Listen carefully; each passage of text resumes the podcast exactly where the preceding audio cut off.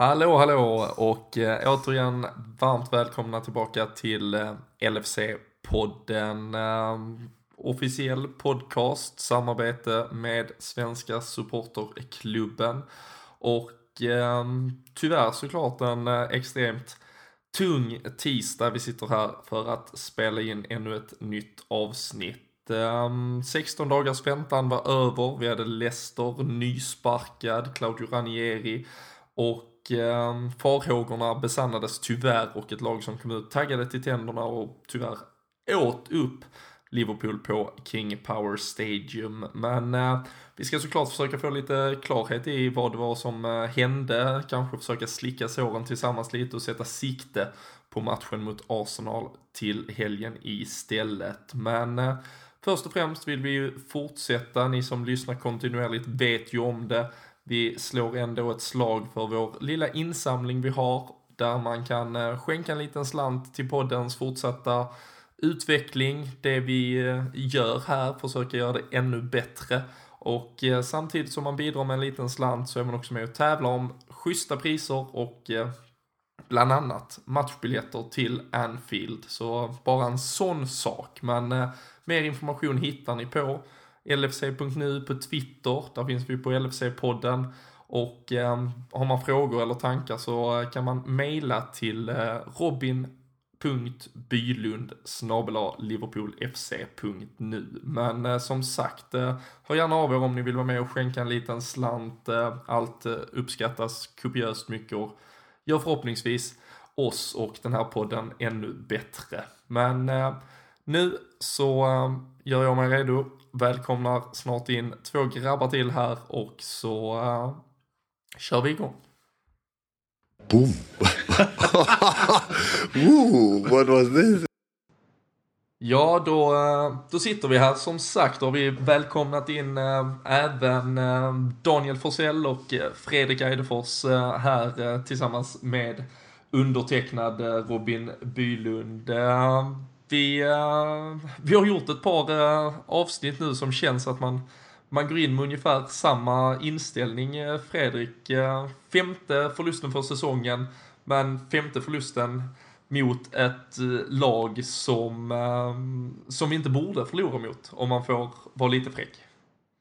Ja, och det är, det är just det här med, med, med mönster som vi har sett tidigare. Precis som vi har sett mot hur bra vi är i alltså mönster, hur bra vi är mot topplag så har vi just det här mönstret hur dåliga vi är mot de här eh, ja, bottenlagen i detta fallet. Eh, och, det, alltså, vi kan ju sitta här och prata hur länge som helst om vad, vad vi tror det kan vara och man ser hur mycket som helst som kan vara fel. Men faktum är att alla de här matcherna så energi är väl det vi skulle beskriva Liverpool med men inte av de här, någon av de här matcherna som vi har förlorat har vi haft någon energi överhuvudtaget. Så att det, man känner knappt igen det laget eh, som man sett nu under eh, så många år. Och det, det, det, är fruktansvärt tråkigt att se att ett lag inte ens ska kunna ja, få, få energi efter ett träningsläger i detta fall till och med ens att kunna orka springa. Det, det, nej, det är tråkigt att, att se det faktiskt. Och eh, energilöst, eh, Danny kan man ju lugnt säga att det, det känns som supporter också efter att ha gått 16 dagar, väntat, taggat, bara känt jävlar vilket vilket läge också liksom Leicester, visst man snackar lite på förhand om sparkat Ranieri, nu kommer de väl komma ut som ett ett lag med liksom hungriga lejon här, men det kändes ändå som att vi hade liksom sådana här superläge också, bara slå egentligen ner spiken i kistan på dem om vi hade, om vi hade kommit mentalt förberedda. Jo, det gjorde det ju absolut. Vi, eh, det var väl många som skojade lite om det och tyckte liksom att eh, det var klart och typiskt att vi kommer åka på stryk nu just med det här nere i bytet då. Och, eh, nej, jag vet inte, vi kom ju från Tottenham-matchen också när man kände någonstans att okej, okay, nu är vi ute ur alla kupper. Nu har vi vänt säsongen med Tottenham-matchen. Nu, nu går vi för det här. Och så eh, var vi tillbaka på ruta ett får man väl säga. Mm. Och det är ju inte eh, ens ruta ett som eh, för några veckor sedan, månader sedan. Det är ju ruta ett sedan tre år tillbaka, Fredrik. Ja, det är just det där med mönster. Det, det, att, att man inte... Jag vet inte om det var Einstein som sa att gör samma saker flera gånger, gånger om och om igen och förvänta sig olika resultat. Det, liksom, det är, definitionen av att vara galen och inte se lösningar. Liksom. Och det har fortsatt så hela tiden. Det har varit längre än tre år egentligen också. Mm. Men eh, det är konstigt att, att det inte finns någon i den här klubben som har hjärna eller lyckas liksom på något sätt vända detta. För det, det, sitter, det måste ju sitta liksom i mentalt och det, det är inte samma spelare allihopa heller. Det är nya spelare som har tillkommit också men det, det, det sitter någonstans i, i Liverpool fotbollsklubb att du, det, liksom det är misslyckande ja, som, som kommer ske förr eller senare. Mm.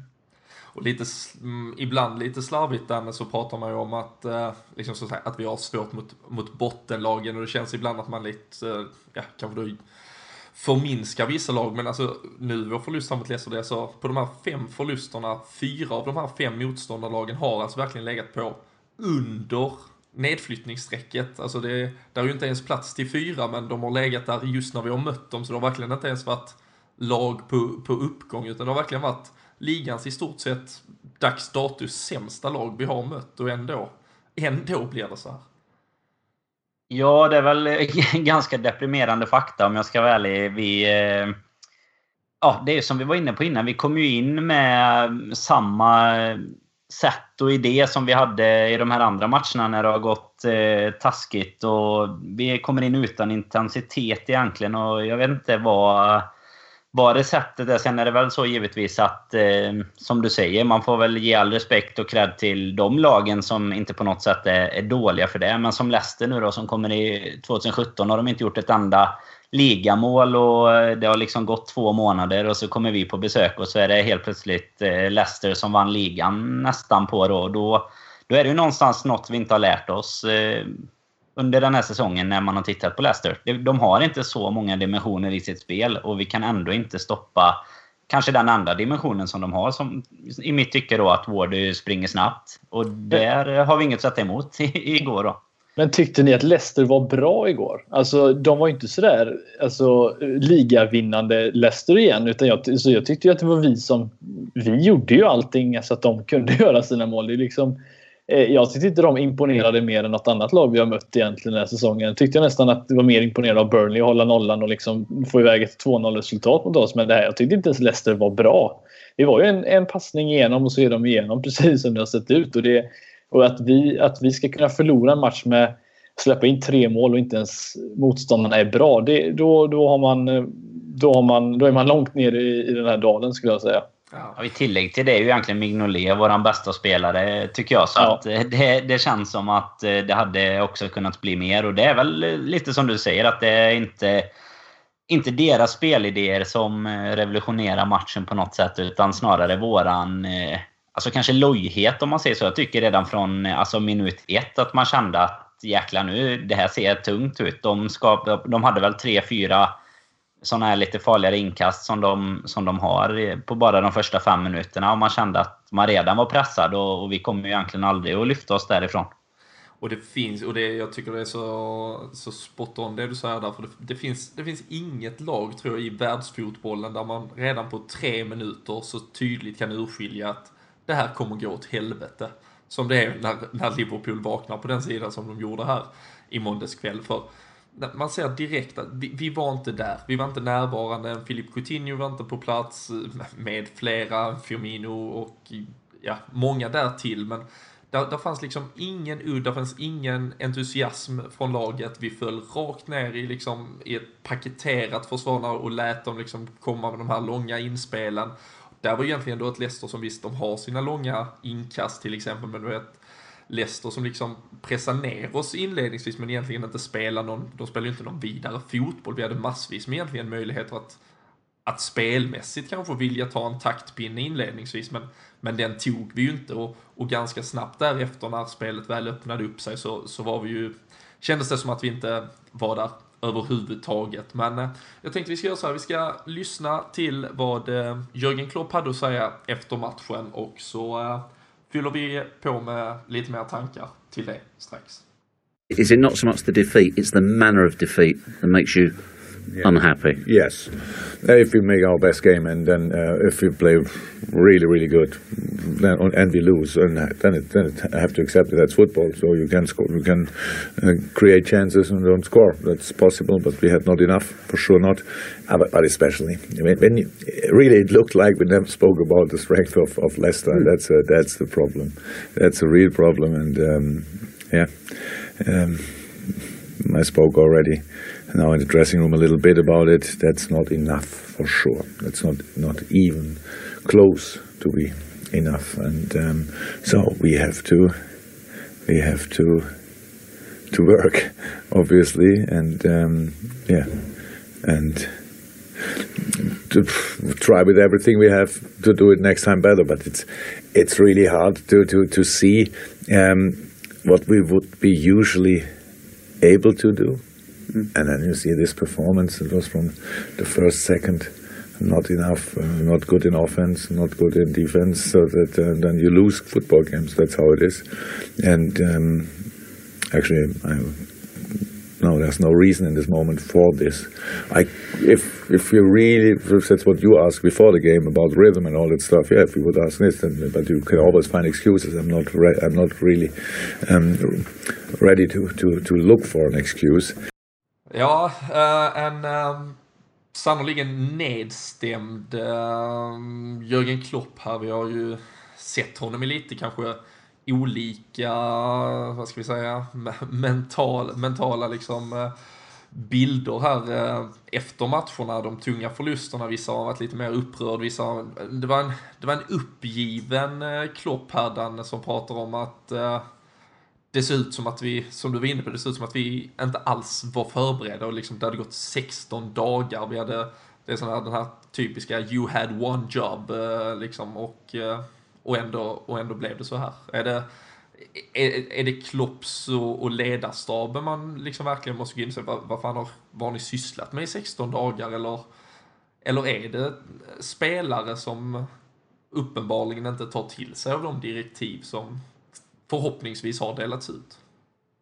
Jag är väl mest inne på ditt eh, sistnämnda där. Alltså man, under matchen och, och medan det gick tungt så satt man väl och funderade på vad fan har de, har de gjort här under två veckors uppehåll. Men när man ser Klopp efter matchen så tycker jag att han någonstans ger ett eh, sken av att det, det ser ju inte ens ut som att vi eh, har pratat om vad, vad Leicesters styrkor är och det ser ut som att det är en träningsmatch han är inne på lite senare i, i eh, den här intervjun då det, det, är liksom, det känns någonstans som att han också, utöver att han är frustrerad och besviken på, på hela laget och kanske sin egen insats, om man säger så, då, så, är, så känner han väl själv att en uppgivenhet i det att han inte tycker att laget eh, kom ut och, och kanske gör det man faktiskt har pratat om att man ska göra. Utan det, det känns verkligen som att han försöker att vara så ärlig han kan och, och säga att vi var för dåliga idag.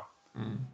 Samtidigt, eh, Fredrik som säger, ja, vi är för dåliga, det är, det är spelarna som är ute på planen och ska prestera, men eh, har vi, och det är såklart, det är inget, det är inget quick fix direkt, men, men har vi, alltså nu, nu tvingas vi spela en Lukas Leiva mot en Jamie Vardy, vi, alltså, det, det har varit så många situationer förr, är det, är det ändå liksom, eh, är det det är ju inte Lukas Leivas fel att han måste vara mittback i den här matchen till exempel. Alltså det, så det är svårt, är det liksom hur de presterar eller är det att så många spelare helt enkelt inte duger i de positionerna de tvingas befinna sig på? Ja, alltså, ja, skulle du fråga Lukas Leiva eh, och Matip och de ärligt skulle svara på hur, spelar ni hellre en, en, liksom en, eh, en mur mot, eh, alltså mot eh, Jamie Vardy eller spela ett, ett högt, en hög försvarslinje så hade de nog valt det förstnämnda. Och det, alltså, så det där har ju bara hur, hur Klopp vill att laget ska ställa upp. För jag, jag kan inte ge någon överhuvudtaget alltså, eh, kritik mot Lukas på det sättet att han ska hinna med Jimmy Vardy. För han kommer aldrig göra det. Inte ens Matip heller för den delen. Det är väl egentligen bara Moreno som skulle kunna ens matcha hans snabbhet. Och han sitter ju på bänken. så att det jag, jag, jag förstår inte riktigt Klopps eh, vad ska man säga, tankar på hur, hur, han kommer till den här matchen. Och det är inte bara mot den här matchen. Alltså, när det är lag som sätter upp ordentligt med stora murar, då, ja, då har vi inte ens en stor spelare i boxen att kunna slå ett inlägg till och i detta fallet spela en hög linje mot en av ligans absolut snabbaste anfallare. så jag tycker han skjuter sig själv i foten. Han gör sina val hur han vill spela, till, spela där och man undrar ju vad en Joe Gomez måste ha gjort för att inte ens få liksom spela en sån här match när han uppenbarligen har eh, snabbheten för att den, ja, vara i närheten av Jamie Vardy i alla fall. Vi ska inte, vi ska, vi ska inte kanske stanna vid det, vi har haft den uppe för men men, men du nämner ändå Joe Gomez och, och det blir ju intressant liksom. Lukas Leva han, han sjunger ju sannoliken på, på sista versen här och nu, det finns ju inget som tyder på att Joe Gomez ska vara skadad, så vitt vi vet i alla fall. Kan ju alltid dölja sig någonting. Eh, Ragnar Klavan var alternativet på bänken, men alltså den här Joe Gomez får ett femårskontrakt för, för en månad sedan. Nu har han varit tillbaka i ett par, tre månader i full träning, varit iväg 16 dagar, en ypperlig chans att träna in sig i ett lag där man, och man vet som sagt, just till denna matchen åtminstone, att man ska möta en, en snabb anfallare och, och att det kommer liksom, kanske att de vill åtminstone ha ett böljande spel. Vad, är, är Joe Gomez, är det bara, har det varit bara ett, är det bara ett kontrakt för att säkra eventuella pengar i framtiden. Med, med tanke på att om det är så illa så att han är mycket sämre än Lukas Leva och Ragnar Klavan så, så är det ju ingen framtid.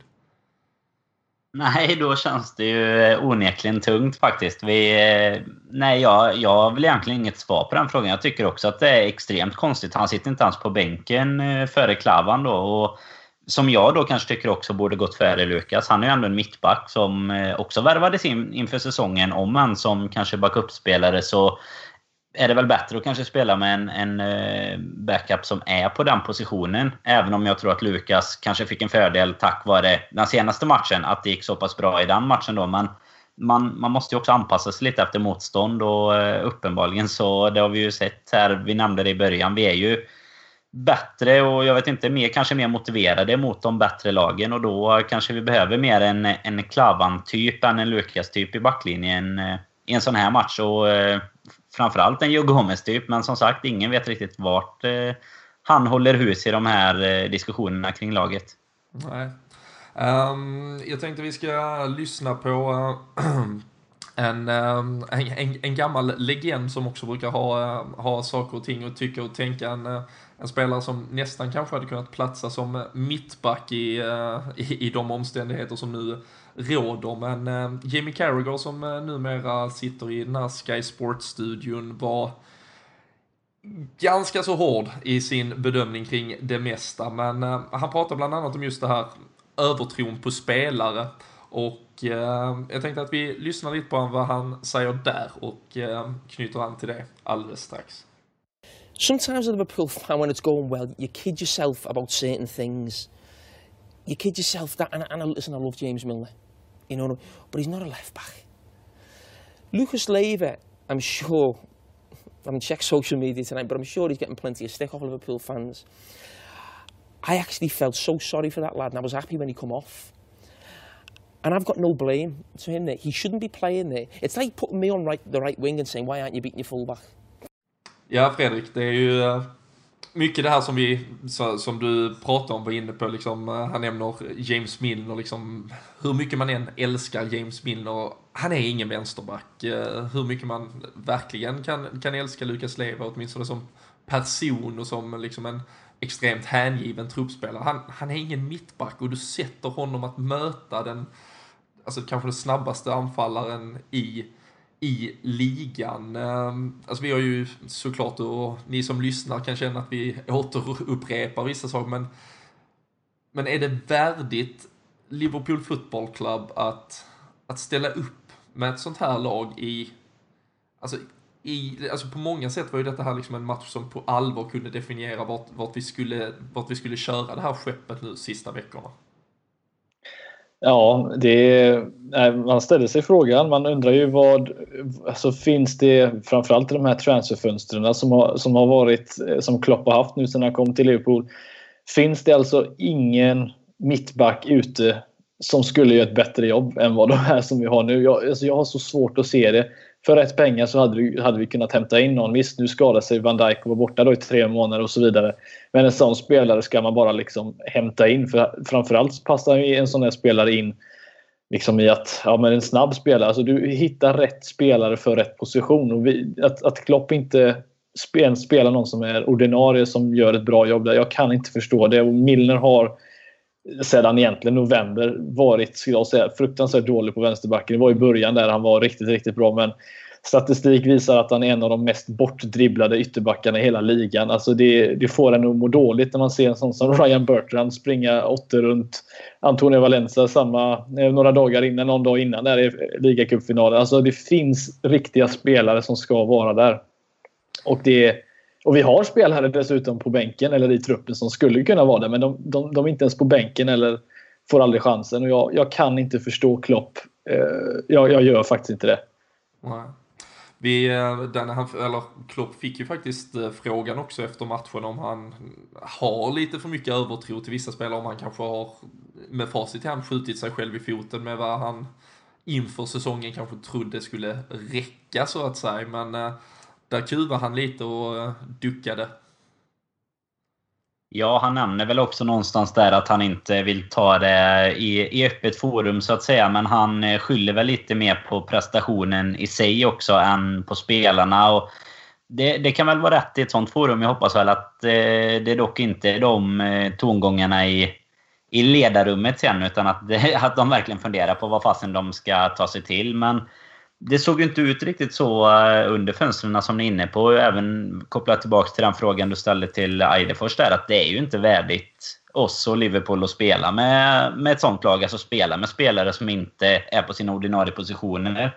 Kan funka någon gång som, eh, alltså om det är ett riktigt prekärt skadeläge eller någonting. Nu har vi några spelare skadade, men det ska ju inte falla med att vi har Henderson och Dejan Lovren skadade. Det ska ju inte liksom behöva rasera hela våran säsong. Och det känns som att vi ju, har ju varit i en uppbyggnadsfas i, ja, jag vet inte hur många år. Vi, vi blir, det blir ju aldrig klart känns det som. Och nu har det varit olika tränare och så, men precis som ni är inne på, han har haft flera fönster.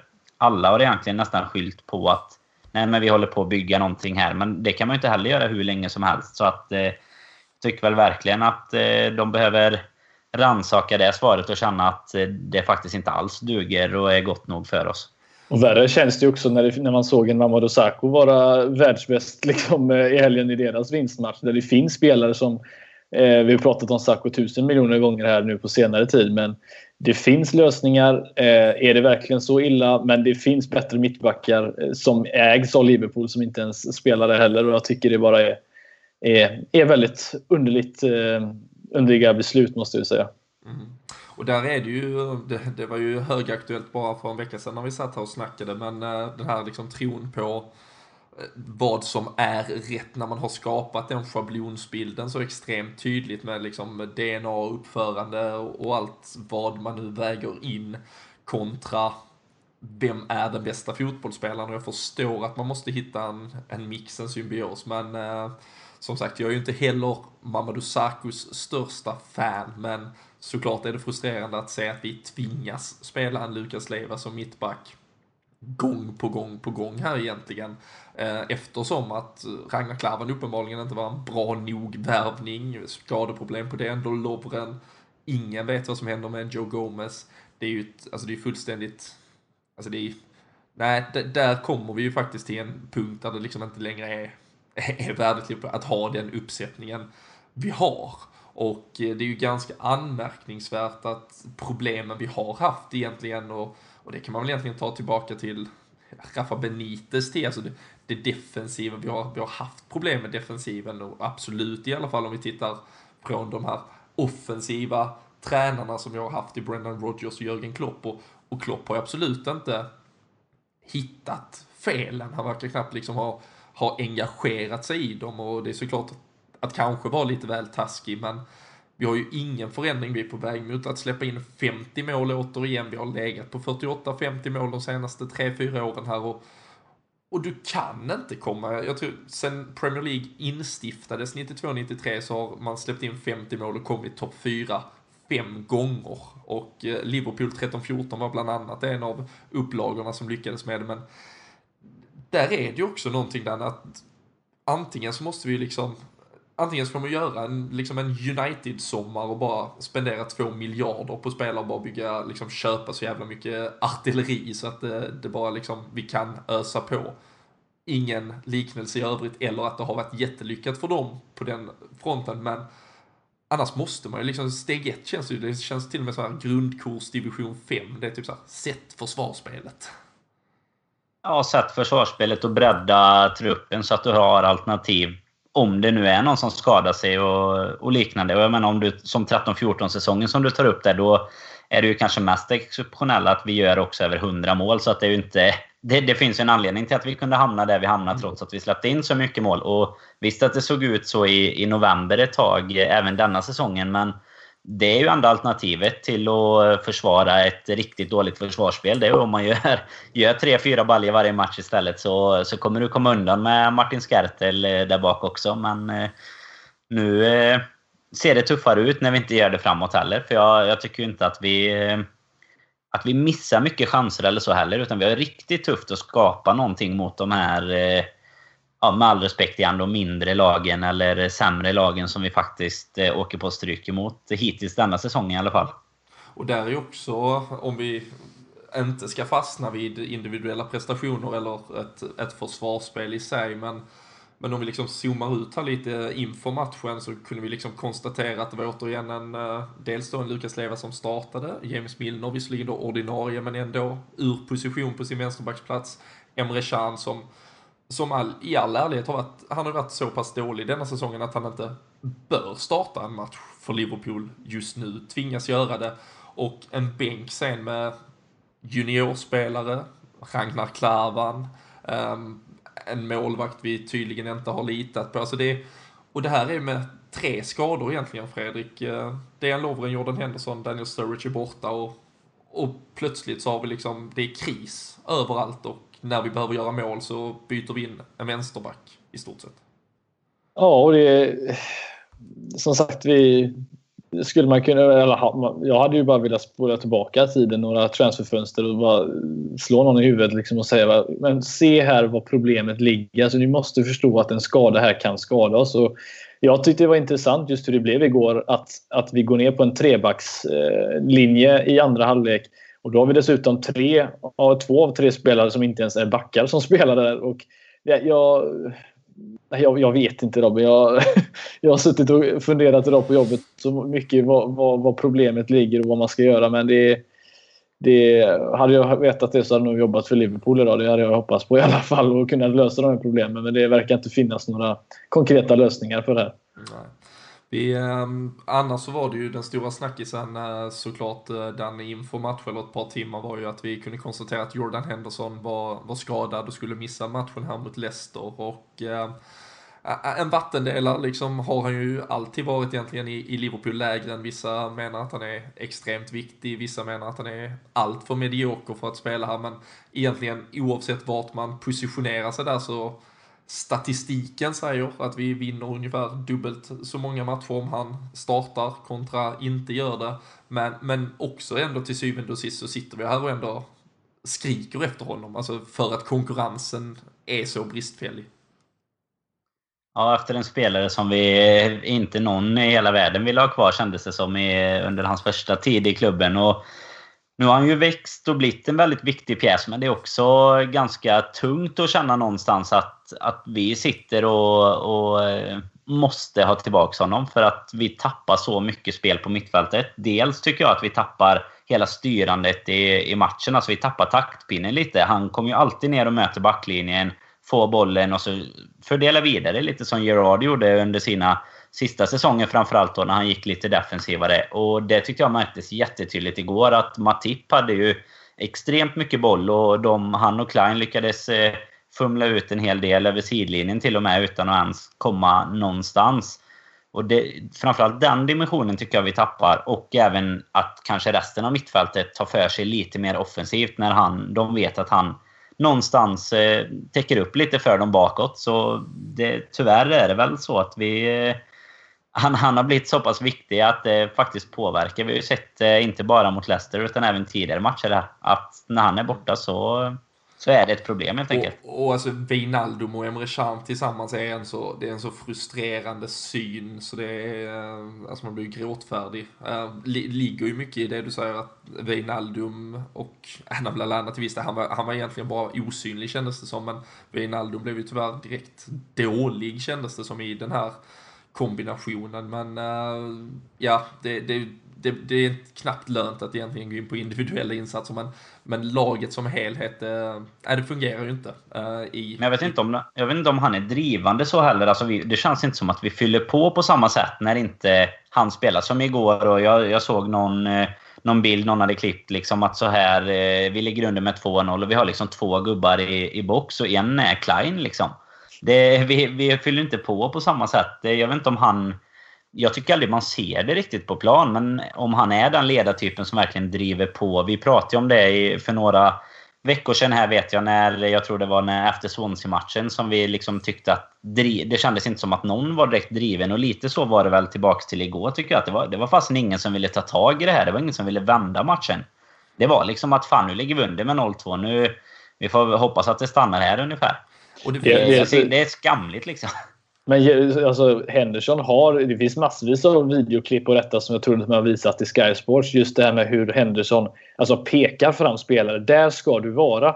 Och det, det gör inte Emre Can och gör han det så pekar han på helt fel ställe överhuvudtaget. Så jag tror inte en Wijnaldum till exempel vågar vara den här drivande mittfältaren som går in i boxen. För jag tror att han, han är rädd att vi ska släppa till för mycket. Men jag tror inte han känner samma sak när Henderson spelar. För man vet vad Henderson är. Och även fast han kanske inte alltid är bäst i positionsspel så är det fortfarande en, eh, någon som vet ungefär hur du ska ställa upp dig för att, för att alltså minimera eh, alltså risken att, att åka på en kontring till exempel, även fast vi åkt på några ändå. Men det, jag tror inte spelarna har den respekten för, för de spelarna som kommer in där som inte riktigt har de här ledaregenskaperna. Och det Eh, är, en jätteskillnad på att se både passningsspel, eh, tempo och alltihop när du har en Henry Chan som mestadels står för halvdana inlägg eller sidledspassningar. Och det, det kommer du inte förbi en Leicester-press på oavsett vart de ligger i ligan. Nej, och det känns också som att Emre Can i sitt bollmöte, han har väldigt mycket alltså, ryggen mot spel. Han kommer ner och hämtar på ett sätt och blir alltså, felvänd hela tiden. Han får inte det flow, alltså Jordan Henderson kommer ju ner så pass djupt och hämtar så att han ändå blir liksom, han blir dirigent av spelet. Han styr det och så börjar vi om hela tiden när han väl får bollen. Han har alltid blicken uppe också. Han Precis. vet vad han ska göra när han vänder upp. För det har inte Can. Han möter bollen, sen, sen ska han vända sig om och se. Bara borrar ner huvudet. Ja, och det är ett stort problem för en boll. Alltså en och det är därför Matip fick slå så många bollar igår upp till Firmino. Eh, för att vi hade ingen mittfältare som slår de passningarna som egentligen ska göra det. Och långbollar mot Firmino när han ska tampas med Hoot och West Morgan känns eh, fantastiskt eh, klokt. Men nej, det var ju tyvärr ett helt icke liksom, fungerande och i stort sett osynligt mittfält, åtminstone vad gäller den konstruktiva delen och eh, nej, det, alltså, om vi går tillbaka till egentligen ursprungsfrågan här med att man sitter ändå och, och skriker efter en Jordan Henderson och som sagt återigen med all respekt för vad han har utvecklats till, en, en jättebra fotbollsspelare på många sätt och vis så, så är det ju ändå inte återigen, det är inte den nivån vi ska vara på. Det är inte den spelaren, alltså det är, det är inte en spelare av den digniteten vi ska känna att ja vad fan, när han är borta så fallerar vi. Alltså jag förstår att Barcelona kan känna att när Messi är borta eller ur form då det påverkar. Det är en så pass extremt exceptionell fotbollsspelare. Men du ska ju inte stå och falla med Jordan Henderson.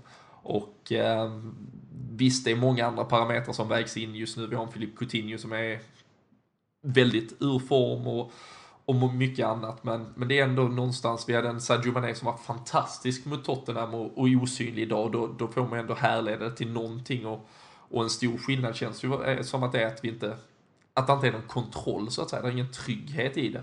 Och eh, nej, det var, det var plågsamt många, många stunder att, eh, att se det här. Och eh, som sagt, en, en trupp, en bredd som, som var obefintlig som egentligen gjorde att eh, att Leicester kunde spela av detta när de, när de kom ut inför andra halvlek och, eh, och sen det mest Liverpool-aktiga att göra i det läget är ju också att släppa in 3-0 sen helt plötsligt och verkligen döda sin chans att, att komma tillbaka. Så, jag tyckte inte ens de hade bollen innan. Nej, nej, nej. Vi, vi hade bollen hela tiden och så fick de bollen och så var det 3-0. Alltså vi, vi verkligen, då kändes det ändå lite som att okej okay, nu, nu försöker vi att få igång någonting här. Men en, en gång behövde de komma upp på våran planhalva, ett inlägg och så satt den. Så det, det är så stod jävla uppgivet. Stod det 2-0 när Lalana hade sitt eh, läge när han dribblade sig vänsterskottet där som var ett ganska tamt avslut. Men var det 2 eller 3-0 det stod? Vet ni, kommer ni ihåg det? Alltså vi skapar, ja, det... några, vi skapar ju några halvdana chanser där vid 2-0 fortfarande. Så det, mm. det, kan vara den, eller så var det Feminus eh, chans i alla fall. Vi, vi hade ja. absolut chanser där. Och det, liksom, vi var ju inte fantastiska, Klopp pratade om det, men vi var ju bättre om man säger så i andra halvlek med, med, med, liksom, med allt vad det ändå inte betyder kanske. Men, mm. men det känns ju så också extremt, vi har pratat om det förr, att liksom, ja men har du en dålig dag, spela då lika liksom, så fine, så går vi vidare. Men, men Liverpool, dels dåliga, ligger under med 2-0, fan, ligger under med 1-0, ge den chansen. Nej, vi ligger under med 2, sen går man ut i andra halvlek, väcker ändå lite nytt liv. Då släpper vi fan ta in trean också som gör det, som gör det omöjligt. För reducerar Coutinho istället till 2-1 med 25 minuter kvar kanske, då, fast att vi har varit helt under isen, så kan det ju bli ett ett jävla skitmål, 2-2 i 93 och så, ja, en poäng i alla fall, glöm, göm, gå vidare. Nu blir det liksom en, en fiaskoförlust att, att bära med sig och eh, det är ju svårt som fan att, att försöka liksom bena ut här vart, vart Liverpools säsong är på väg känns det som. Ja, nu är hur många poäng är Everton bakom oss? Fem.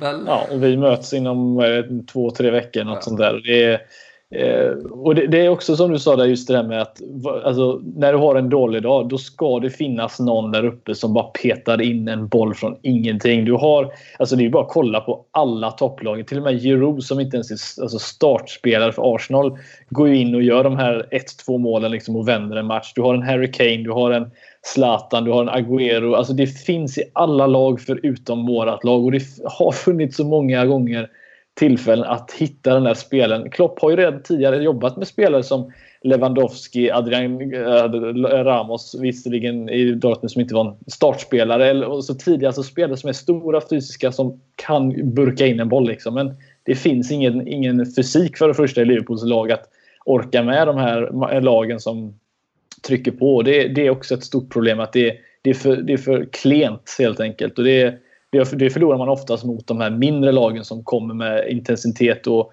mycket styrka. Och där, där kan vi inte sätta till någonting tyvärr. Nej, och, eh, och det, det är ju återigen ett sånt här problem man känner att liksom det börjar ju bli väldigt tydligt att vår, till exempel anfallsspel med Roberto Firmino som, som en nia fungerar ju jättebra när vi möter de här motståndarna som, som verkligen vill, vill öppna matchen och vill spela fotboll och, och försöker utmana oss på så att säga lika villkor. Vi kan ligga högt i en press och vinna boll, snabba omställningar. Men, men när vi behöver den renodlade strikern då är det ju det är ju det, det, det är liksom det är ju bjudgodis att, eh, att spela, spela honom mot den typen av försvar som igår. Ja, vi har ju egentligen ingenting eh i, alltså det, han tappar ju hela den här funktionen som en defensiv striker om man säger så. I ett lag som egentligen bara helst sjunger iväg den när de får den. Och det, det blir, vi har ingen kreativitet nu som vi var inne på innan. Coutinho är fortfarande väldigt under isen och de, de kommer liksom inte till chanserna på något sätt mot den här typen av motstånd. Och det är ju, jag menar vi kan ju sitta och läsa ut det här. Det borde inte vara svårare för någon som är, är välbetald och motståndartränare och läsa ut att okej, okay, vi spelar på det här sättet så, så kommer vi i alla fall minst få en pinne och de flesta tre tyvärr då. Men Firmino är ju den perfekta spelaren att ha likt så som Okazaki jobbar i, eh, i Leicester skulle jag säga. Så han, han är inte den här spelaren längst fram som ska Eh, gör alla de här målen. Jag tycker inte det. Han bidrar så mycket i annat som, som är så nyttigt för laget. Men hade Liverpool spelat ett, nu är inte jag ett stort fan kanske av 4-4-2 typen, men likt Leicester spelar, du har en spelare som Vardy som han är bara intresserad av att göra mål. Var längst fram in i boxen och, och, och liksom ta upp en fight. Men det, ha en Firmino då kanske som jobbar lite bakom, men ha en renodlad striker som är fysisk, som, är, som har alla de här kvaliteterna det hade hjälpt vårt anfallsspel mot alla lagen, inte bara mot de, mot de bättre. Utan det hade, vi hade nog tryckt in ett och annan, en annan boll mot de här sämre lagen som vi nu vanligtvis förlorar mot dessutom. Vad skulle du säga där Danny egentligen om man tittar för alla matcher vi har varit, om alla matcher vi har gjort bra denna säsongen har egentligen sett likadana ut så att säga. Det har varit mot storlagen eh, mestadels. Vi har såklart en fin höst bland annat som, du, som vi också har nämnt. Men men när vi är bra så är vi ju bra på samma sätt så att säga. Vi, vi liksom straffar motståndare. Liksom Tottenham första 20 var ju så här typiskt exempel, skolbok på hur Liverpool vill spela bra, effektiv anfallsfotboll. Men, och när vi är dåliga så, så är det likadant. Vi är dåliga hela tiden. Och Carragher pratar om det väldigt mycket i den här Sky Sports-studion. Alltså att vi, det är så exakt likadant Liverpool hela tiden. Är det, är det en begränsning som du tror truppen och, och de bristande resurser uppenbarligen Klopp jobbar med eller är det Klopps liksom alldeles för liksom trogen, alltså trogna filosofi som, eh, som ställer till det faktiskt och gör att vi, vi faller lite på, på eget bevåg så att säga. Alltså jag tror att det finns eh, flera, eh, vad säger man, flera sidor av myntet där. För att grejen är att dels tror jag till viss del att det är Klopp. Han har ju sin filosofi. Det bygger mycket på intensiteten. Försvara i alla lagdelar, försvara med anfallarna och så vidare. Och där, eh, alltså funkar det och, och verkligen eh, Alltså det, det, har vi ju sett att funkar det så funkar det ju jäkligt bra. Men tittar man på de här förlustmatcherna vi har haft, eh, tar vi Leicester senast nu då som exempel, så vi har vi ju inte den intensiteten. Vi har ju inte, alltså kanske, jag vet inte, orken, kvaliteten, viljan. Alltså, ja, det är någonting som gör att vi inte varje match kan komma ut och vara lika intensiva eller taggade eller, eller vad man nu vill kalla det. Men sen tror jag också att det delvis beror på bristen av bredd och lite som Eidefors är inne på. Vi har ju inte... Vi har ju liksom inget annat att komma med. Alltså vi, vi behöver kanske ha en striker som bara är där för att göra mål. Kolla Giroud till exempel som gör mål varje gång han kommer in för Arsenal till exempel. Och, och vi har liksom inte den typen av spelare där vi kan säga att okej, okay, fasen nu, nu står det och väger men, men vi behöver ha in en kille som han, får han två lägen så sitter minst ett i alla fall. Eh, det kan man väl säga om en spelare som är i superform. Om Coutinho väl är i form. Men han gör ju inte de här skitmålen. Utan han gör ju snarare drömmålen i, i en 6-1-seger. Så gör han två snygga mot Watford kanske eller något. Men det är inte de här jävla, jävla anamma-målen som många, alltså ta Zlatan i United eller så, de är 1-0-segrarna liksom. Mm. Även om vi inte alltid ger oss chansen att, att ta dem då. Nej, men, eh, men tror ni en spelare som Coutinho, alltså just det här med alltså sättet vi spelar. Tror ni en spelare som Coutinho liksom vill spela fotboll på det sättet Klopp vill? Alltså springa, springa, springa, springa. Alltså in, inte styra spelet på det sättet. Jag, jag bara får en känsla av att det finns spelare i, den här, i det här laget som ja, de tvingas ju spela på det här sättet för annars är de inte en del av laget. Men jag tar en sån som Coutinho. Jag tror inte alls han vill spela på det här sättet jag tror inte han heller är liksom, jag tycker inte han är bäst ute som liksom left winger heller för det. Och det, det känns som att det är, det är, fler spelare som kanske är trötta på det här sättet att spela. Det är för mycket. Det, du, springer, du måste springa mest av alla hela tiden. Det är, det är inte hållbart i längden kanske. Det är, det är väl så de spelarna blir så trötta som Coutinho som får kramp efter 80 minuter. Liksom. Det är, eh, jag vet inte om, om, jag, om ni känner samma sak men det, det känns som att det här kanske inte är hållbart att spela på det här sättet om man ska ja, nå de här framgångarna. Framförallt så tror jag att du kan ju inte, och det är kanske med facit hand det som ligger oss liksom i farten nu, att vi, vi fick en så fin trend, det, det pumpar på lite här i höstas, för du kan inte gå igenom tror väl jag kanske liksom 38 matcher Premier League-fotboll utan att liksom någonsin justera, förändra, alltså ha en gameplan mot just exakt denna motståndaren. Det, jag tyckte det var ganska befriande i höstas när vi såg till exempel ligacupmatchen mot Tottenham där vi startade Divock Origi och Daniel Sturridge tillsammans i ett tvåmannaanfall. Och, och det funkar ju fantastiskt. Men sen var det liksom, ja, tillbaka till det som är vårt riktiga lag så att säga och så, och så körde vi på och när det funkade så bra så, så var det ju ett alternativ men det gjorde också att när det plötsligt började hacka lite så fanns det ju ingen plan B. Hade man däremot kanske varierat under säsongen, sett att ja, här har vi en motståndare som vi kanske kan straffa med som sagt en, en mer djupledslöpande anfallare där vi vill ha in Filip Coutinho nästan i ja, men en lite mer tillbakadragen roll i det här tremanna mittfältet istället. Alltså försöka hitta lite mer, men det har känts väldigt, väldigt statiskt och enkelt att, att liksom utläsa vad Liverpool vill göra. Och det märks ju väldigt tydligt på, på våra motståndare, liksom äh, återigen med, med all respekt, men det var vi som hade 16 dagar på oss att förbereda oss för den här matchen. Men, men i ärlighetens namn så, så behövde ju egentligen inte en motståndare mer än alltså två timmar på förberedelse, för man visste exakt hur detta skulle se ut.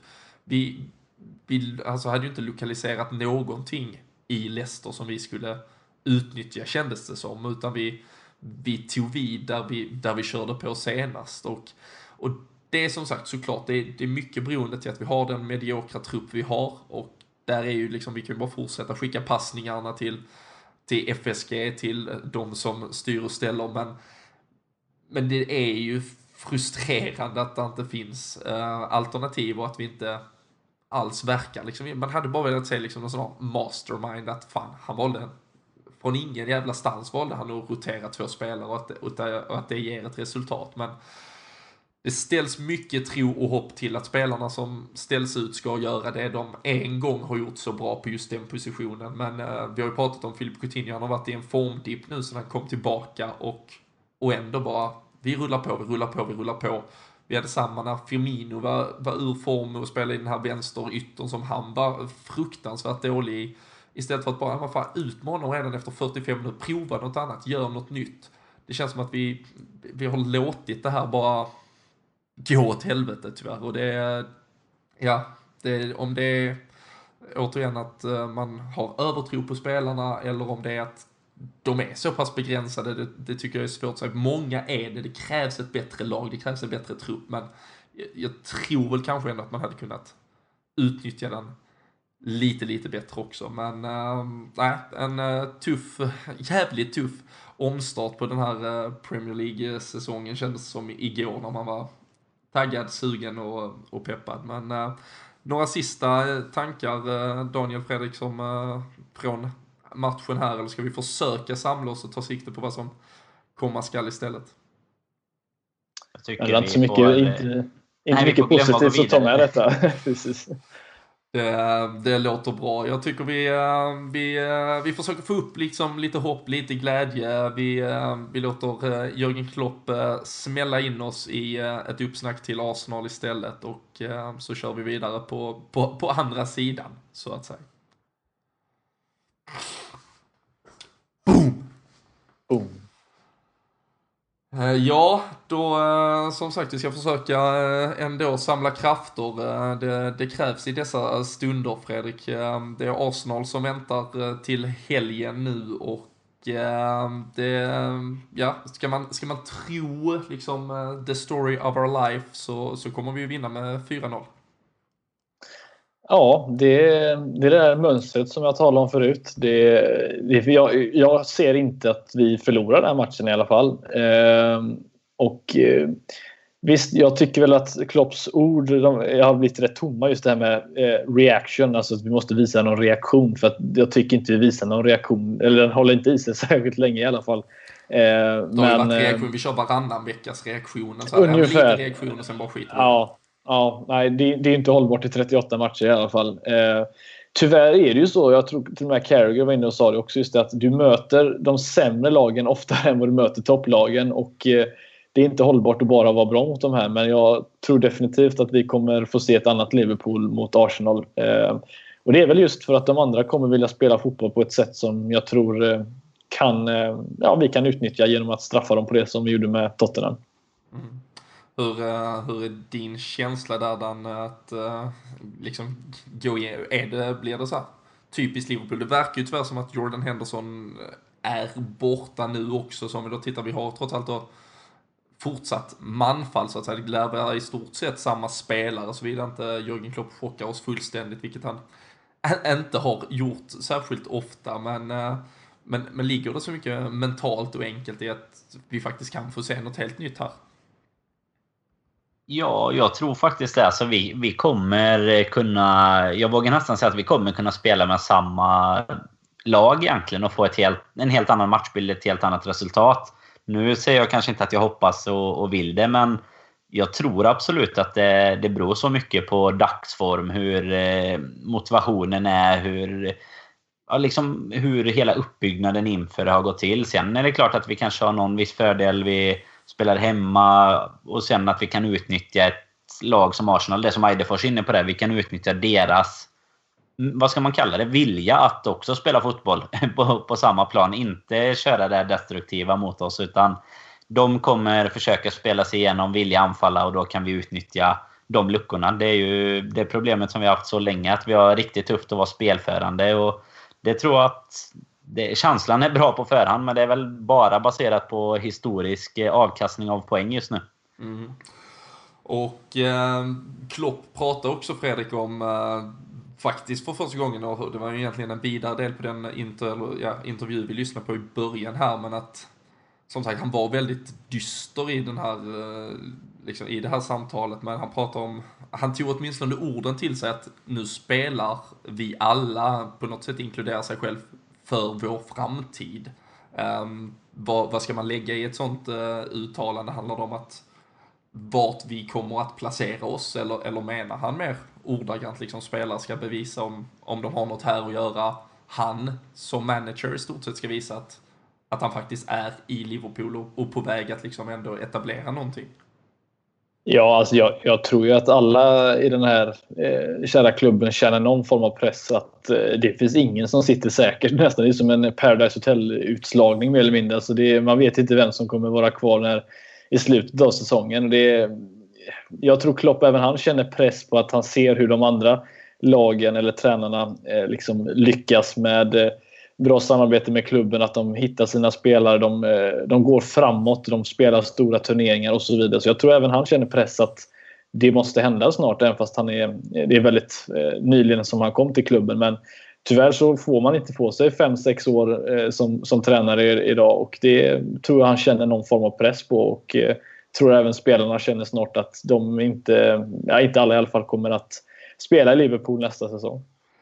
Kan det vara på så sätt med siffror nu, nu nämnde jag ju att den, den då delvis fina hösten gjorde att vi liksom, ja, kanske inte var förberedda på den, den tuffa vintern och våren på så sätt kan någonstans, Dan, att vi, att vi har fått så här många ändå, ska vi säga liksom smällar i huvudet som de här förlusterna har varit. Eh, kan, kan det ändå leda till en, en sommar, till exempel, tror du Jörgen Klopp också har fått en annan inställning till Premier League och det här, alltså truppen och det, att man inte har tiden kanske till utveckling som han, som han på något sätt vill stå för. Ehm, kan vi se, tror du det blir en mer liksom eh, ruthless, eh, vad liksom ska man säga, liksom bestämd också, både, både Klopp och liksom klubb till sommaren? Det känns väl lite, eh, framförallt om klubben är beredda att stå bakom honom, så känns det väl lite som att det är det som behövs. För vi har pratat om liksom eh, moderna fotbollen många gånger, men just i det här klimatet där pengar styr så mycket och, och det är så extremt resultatbaserat så är det ju lite som ni är inne på där att man, eh, man får inte de här åren på sig längre att bygga upp någonting och framförallt inte i en klubb som Liverpool där de, man vill se resultat väldigt fort. Sen tror jag väl att han har eh, extremt goda förutsättningar för som både person och manager tror jag väldigt omtyckt och kom ändå in som en världsklasstränare i klubben. Men jag tror absolut att eh, både klubben och han kommer vilja agera om inte... Ja, helt beroende på hur denna säsongen slutar givetvis. Men oavsett så kommer vi behöva bredda. För går det dåligt så behöver vi bredda för att bli bättre. Och skulle vi knipa en Champions League-plats här till slut. Eh, peppar peppar. Men eh, då eh, gäller det verkligen att bredda för att kunna vara med på flera fronter då. Mm. Så att det, det hoppas här... man väl som supporter i alla fall. Men just den här bredden. Alltså jag, nu säger jag inte detta för att jag har varit besviken på Liverpool under, under en lång period just när det kommer till transfer och sånt. Men alltså hur många i det, i det laget som, vi har, som Klopp har nu så skulle egentligen inte behöva bytas ut. In, in, inte så att vi måste hitta bredd. Alltså de, ska ju, de här spelarna som spelar nu, många av dem ska ju förpassas till bänken för vi måste hitta bättre spelare än de som är det nu. Jag ser ju liksom en, en målvakt och fyra försvarare som ska bytas ut egentligen för att det här laget ska vinna någonting. Och det är både två, tre spelare på mittfältet samt anfallare som ska in. Och det är, det, är, det är många spelare på ett fönster för att hänga med de här stora, spelarna, eller stora lagen. Och det tror jag inte riktigt att Klopp kommer att kunna göra på en sommar heller. Och det känns bara som att vi kan inte hålla på att bygga för länge heller. För någon gång måste man satsa 100% och lyckas man så gör man det. Misslyckas man så får man ta den smällen då. Men det känns som att det är väldigt fegt spel jämfört med hur de andra lagen eh, satsar eh, jämfört med oss. Mm. Och jag tror, jag tror som du egentligen att, alltså, vi pratar nog egentligen tio spelare Liverpool ja. skulle behöva. Uh, varav kanske 5-6 ska gå rakt in i startelvan.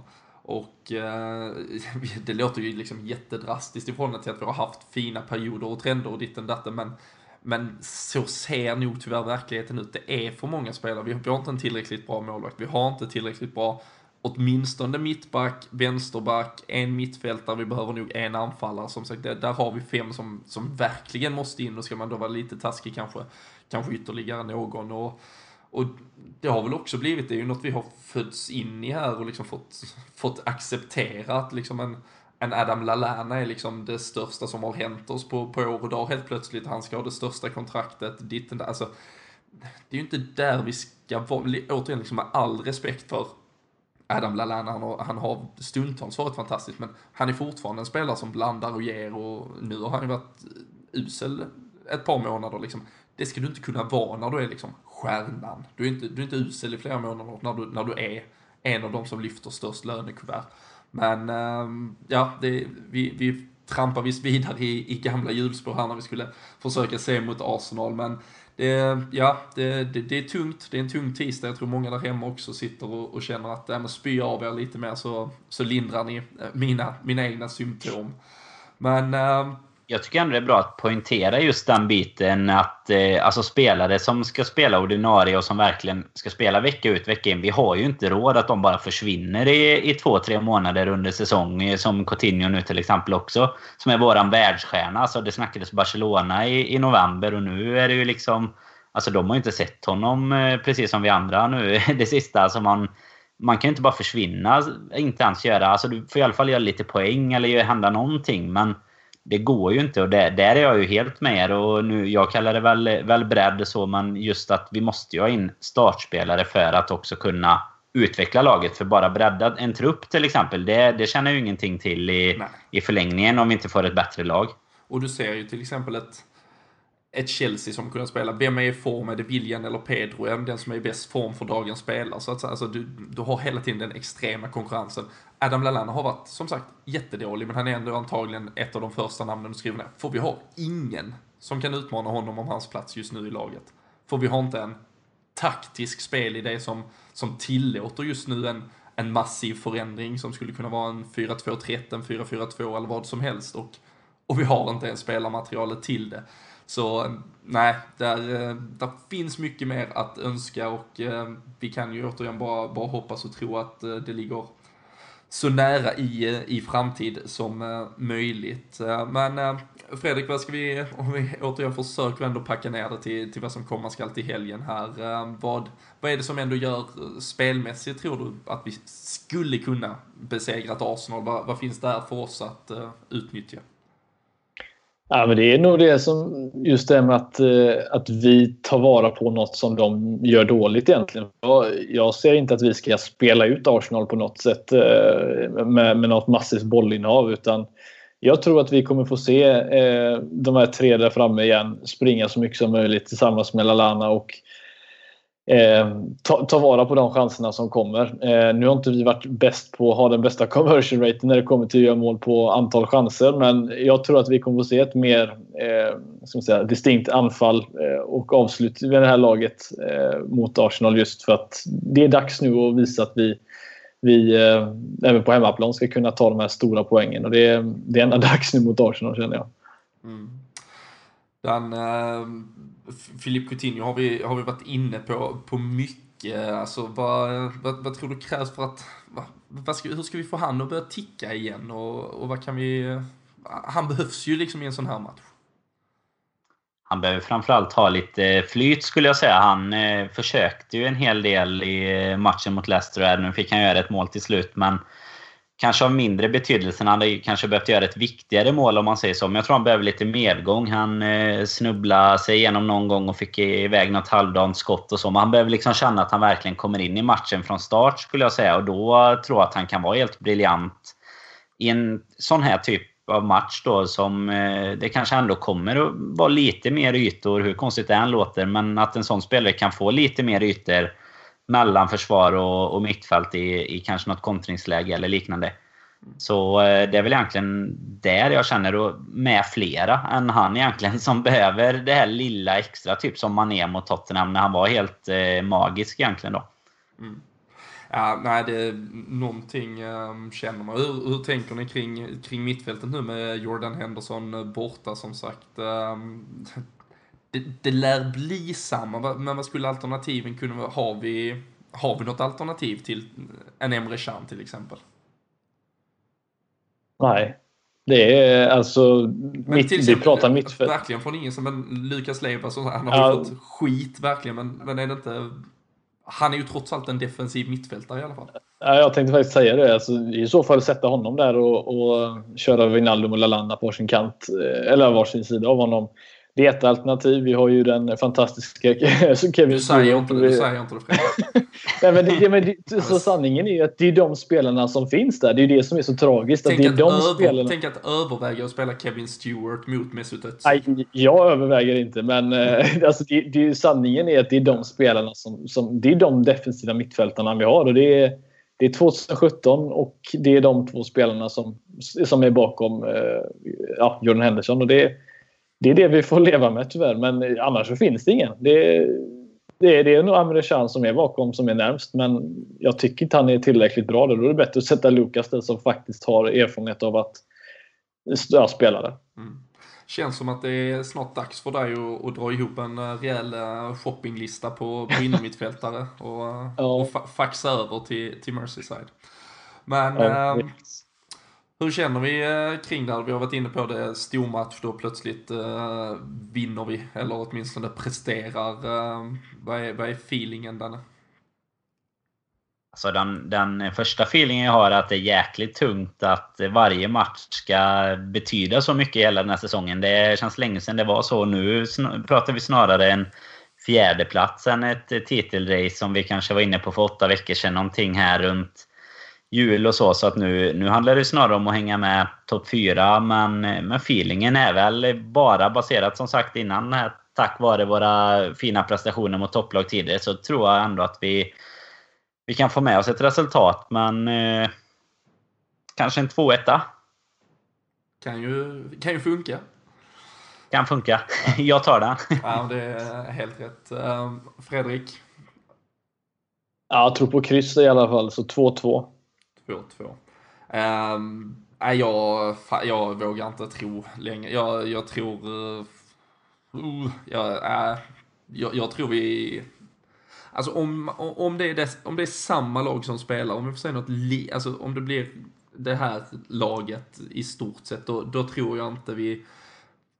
För det har också satt sig något mentalt i att de här spelarna inte att de inte räcker till. Ehm, och äh, då tror jag fan vi kan eh, att vi kan få en första förlust mot eh, ett av de här så att säga topplagen och ehm, 1-2 säger hjärnan. Hjärtat vill jättemycket annat men äh, jag, jag, jag har inte en god känsla just nu tyvärr men äh, ser man gärna såklart överbevisad om, eh, om något annat. Eh, men för er där hemma, ni, ni brukar vara bättre. Vi hade till och med en eh, person som var, som var så pass bra så att han hade genomskådat att Liverpool skulle kollapsa fullständigt mot Leicester här. Peter Lundqvist tippade 3-1.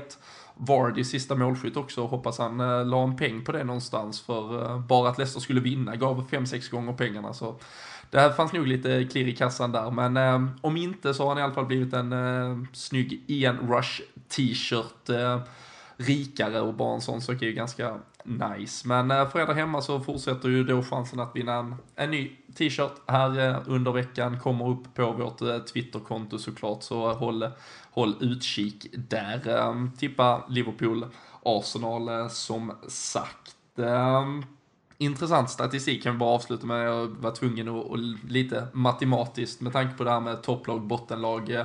Man kan egentligen förlora mot alla de här topp 5-lagen. Vi är ju topp 6 tillsammans där. Vi kan förlora alla de matcherna. Vinner vi bara resten hemma borta. 84 poäng. Taget Champions League-plats, Danne.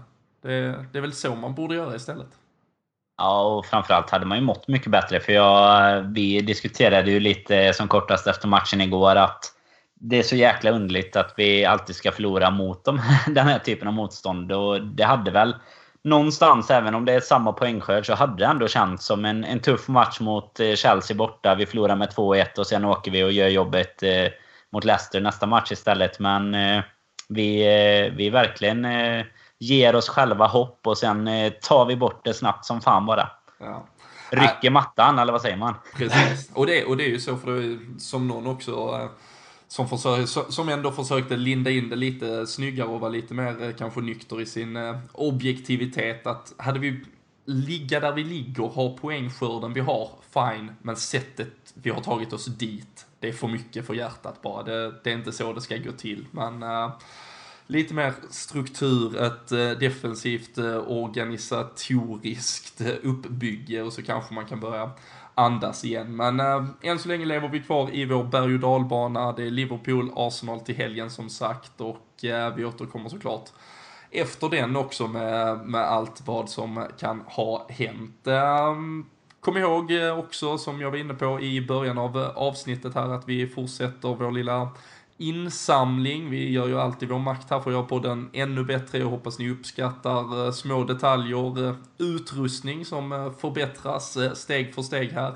Och eh, vi, eh, vi uppskattar varenda liten eh, krona vi kan tänkas få in, så läggs det såklart rakt in till att förbättra podden för, för oss och er som lyssnar. Men eh, håll utkik på Twitter, där finns vi på LFC-podden. LFC.nu representerar vi såklart eftersom det är där vi har vår egentligen officiella kanal. Och eh, vill ni bidra, tävla om matchbiljetter till Anfield så um, swisha iväg en liten peng. Allt uh, uppskattas uh, fruktansvärt mycket och stort tack till alla er som redan hjälpt uh, till. Men med de orden så ehm, knyter vi ihop säcken här för idag och eh, önskar er en eh, riktigt bra vecka och så hörs vi snart igen. Ta hand om er.